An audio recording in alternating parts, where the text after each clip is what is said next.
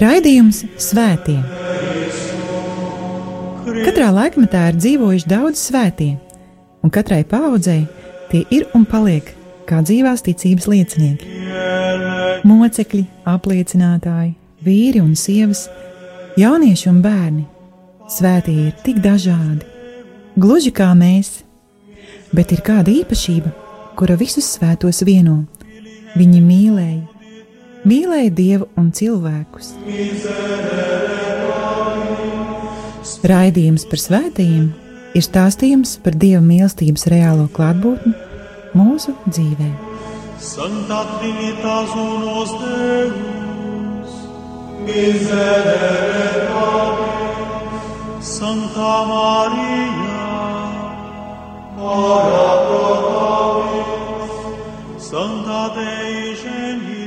Lai ir slavēts Jēzus Kristus, mīļie brāļi un māsas, ēteras skan raidījums svētie un pie mikrofona es mēs, Priesteris Viečslavs. Es domāju, ka daudzi no jums, dārgie radījuma Marija klausītāji, zināt, ka šī gada janvārī Panamā notika kaut kas ārkārtīgi skaists, brīnišķīgs, iedvesmojošs un cerības pilns. Janvārī notika vispasaules jauniešu dienas, kurās piedalījās arī Romas pāvis Francisks. Tālajā Panamā bija arī ap 40 jauniešu no Latvijas. Viņi piedalījās jauniešu dienu pasākumos, klausījās Liepājas bīskapa Viktora katehēzes un noteikti dzirdēja arī pāvesta Franciska uzrunas. Svētajā misē ar kuru pabeidzās jauniešu dienas. Pāvis teica, ka kungs un viņa misija mūsu dzīvē nav kaut kas neskaidrs un īslaicīgs. Pāvis īpaši akcentēja to, ka jaunieši nav nākotne, bet ir dieva tagadne. Mūsu raidījuma svētajā kontekstā šos pāvesta Franciska vārdus nedaudz pārfrazējot, Atļaušos pateikt, ka arī svētie nav pagātne un arī nav nākotnē. Viņi ir Dieva tagadne. Pāvests aicināja jauniešus būt drosmīgiem savā ticībā uz Dievu. Visi svētie ir drosmes cilvēki. Viņi ticēja, cerēja un mīlēja, un turpina to darīt arī tagad, jo Dievs nav mirušo, bet gan dzīvo Dievs. Vai bērniem un jauniešiem ir savi aizbildni? Jā, protams, ir. Daudzus no viņiem mēs pazīstam, daudzus nē. Daudzi būs mums kā pārsteigums, un daudzi noteikti kļūs par mazām ceļa zīmēm, kuras Dievs ir uzlicis mūsu dzīves ceļos, lai mēs ietu tur, kur sauc mūs Dievs. Šajā raidījuma sezonā Mazliet stāstīšu par svētajiem, kurus baznīca atzīst par bērnu un jauniešu aizbildniem, gan tiem, kuri ir kanonizēti, gan tiem, kuri vēl ir ceļā uz kanonizāciju.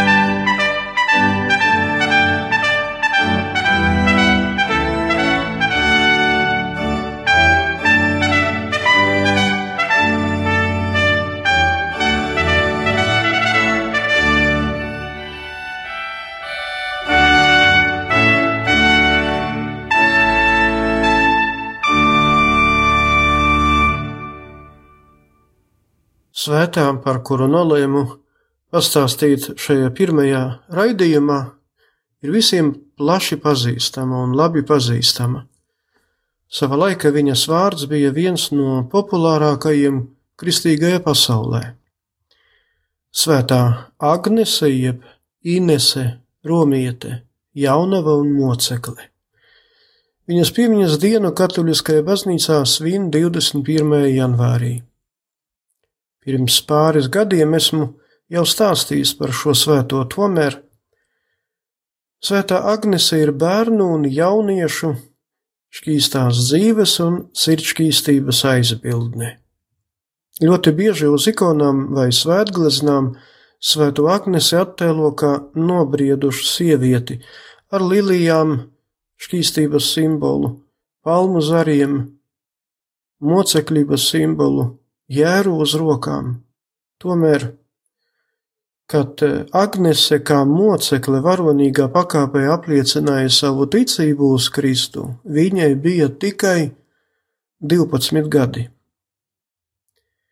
Tas notika ap 305. gadu Romā, imperatora Diokleciāna laikā, Domiciāna stadionā. Mūsdienās šo vietu mūžīgajā pilsētā sauc par Navonas laukumu, un šis laukums ir viens no turistu apmeklētākajām vietām Romā. Laukuma rotās skaista un eleganta bazilika svētās Agneses godam.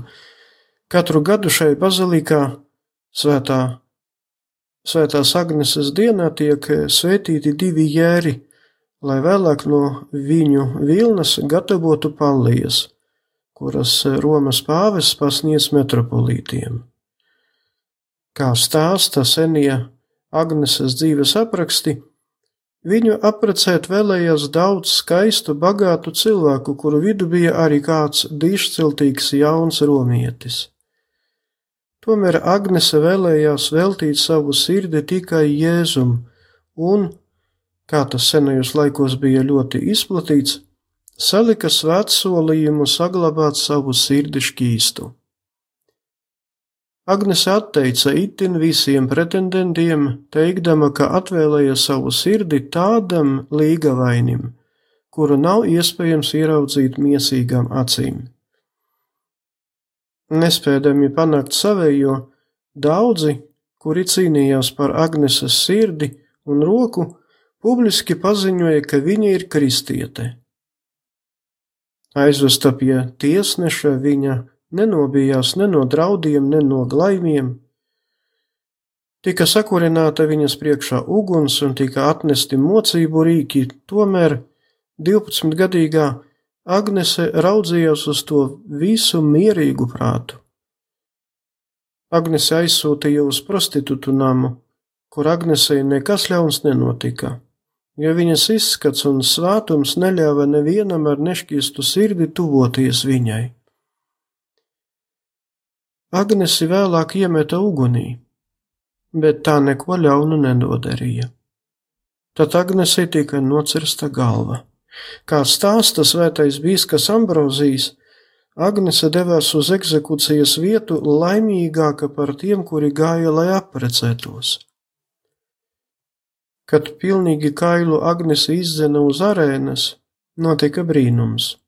Viņa skuplie un gari garie mati kļuva par pieklājības apģērbu viņai. Svētā Agnese, mocekle, ir bērnu, jauniešu un dārznieku aizbildne. Visvarenais mūžīgais dievs to ar vien izvēlējies to, kas pasaulē nespēcīgs, lai apkaunotu lepnos un stipros. Palīdzi mums žēlīgi, lai mēs, pārdomājot svētās jaunavas Agneses ieiešanu tava valstībā, mācītos no viņas izturību ticībā. To lūdzam caur Kristu mūsu kungu. Āmen!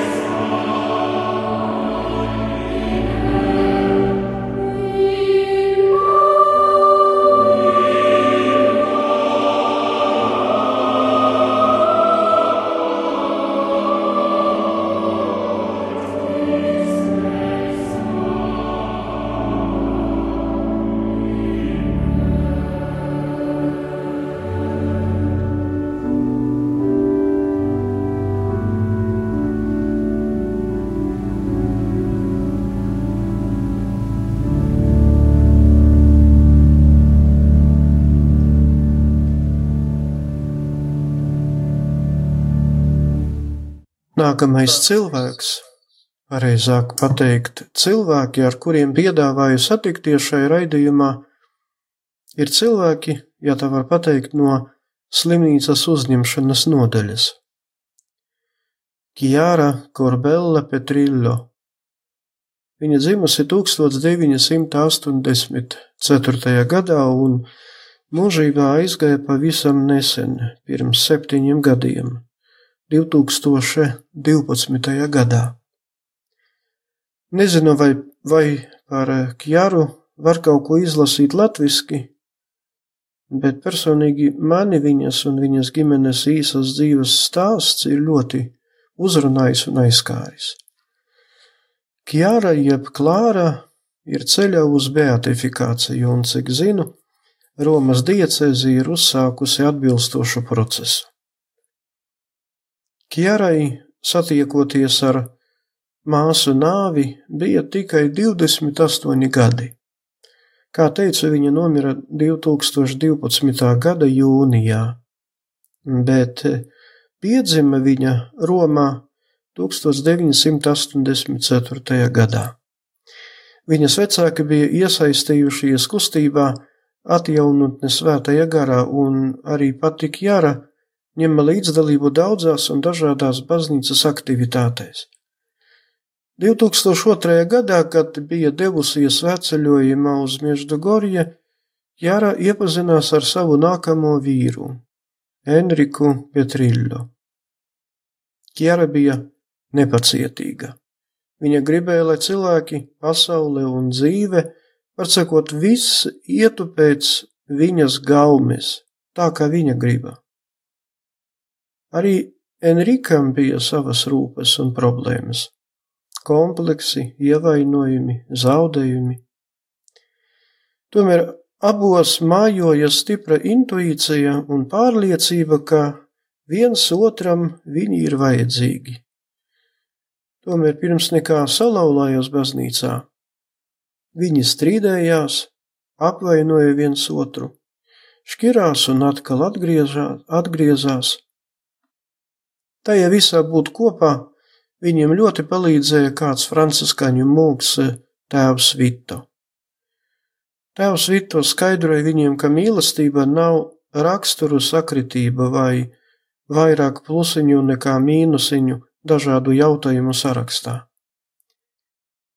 Kjāras un Enrico laulības gadi bija īsi, tomēr viņi spēja saprast, ka vienīgais, ko mīlestība dod cilvēkam, tad tas ir tiesības rūpēties par tavu vīru vai sievu tik tālu un tik dziļi, ka tiktu sasniegts laimes visaugstākais līmenis, respektīvi, lai vīrs vai sieva ieietu debesīs.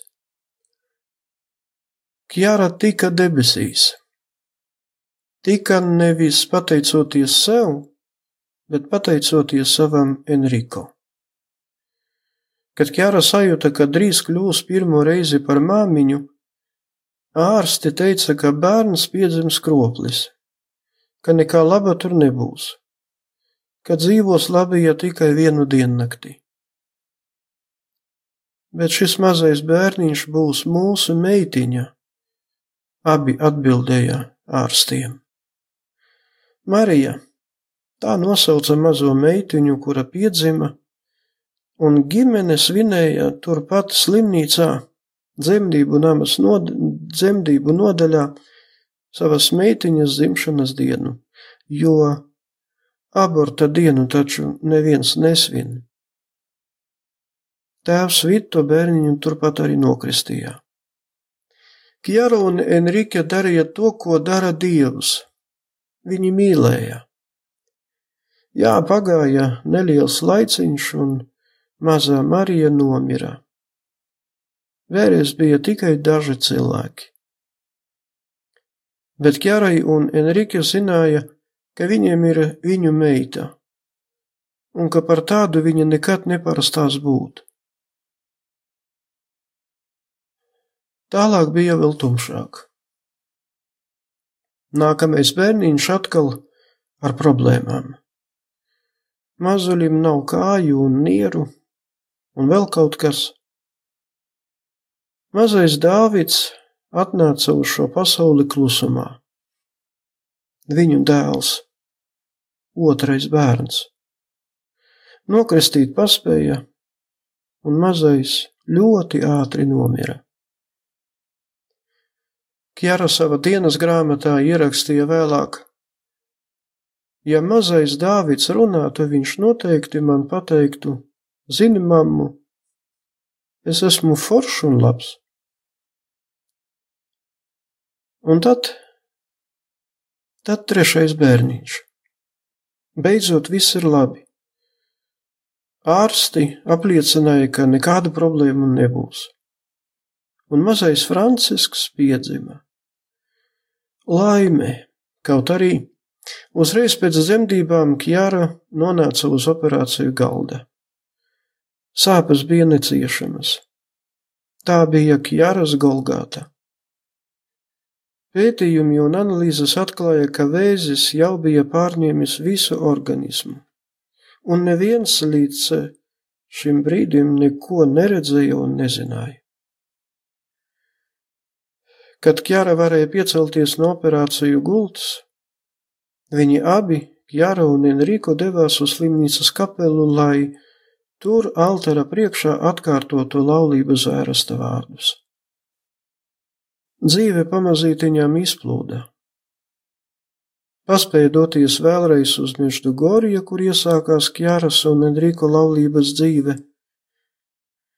Pie ģimenes nāca ciemos arvien vairāk un vairāk cilvēku. Kjāras nāves dienā Enriko draugiem un paziņām uzrakstīja īziņu. Lampas ir aizdegtas, un mēs gaidām uz līgavaini. Kjeras bērēs piedalījās milzum daudz cilvēku. Viņu apglabāja Līgavas baltajā tērpā ar lavendas puški rokā.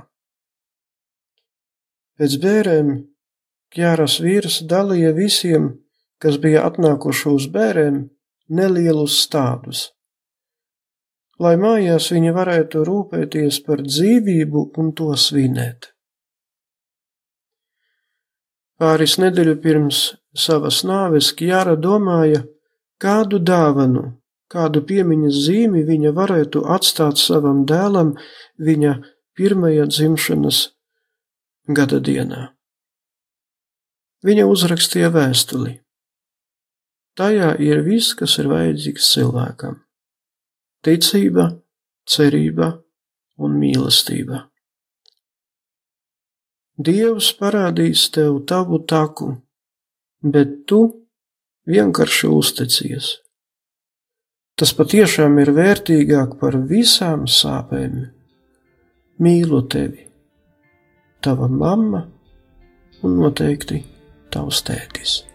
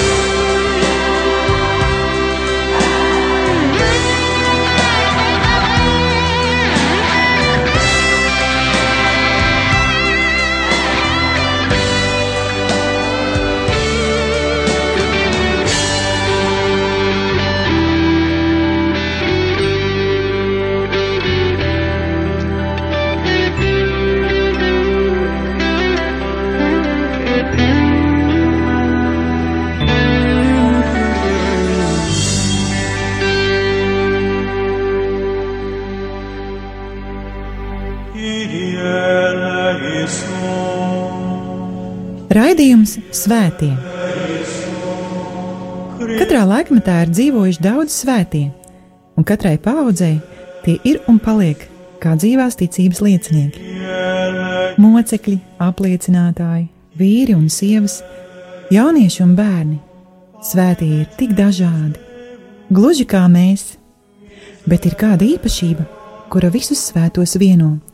Viņi mīlēja, mīlēja dievu un cilvēkus. Raidījums par svētījumiem ir stāstījums par dieva mīlestības reālo klātbūtni mūsu dzīvē. Santa Trinitas unos Deus, miserere Pabli, Santa Maria, ora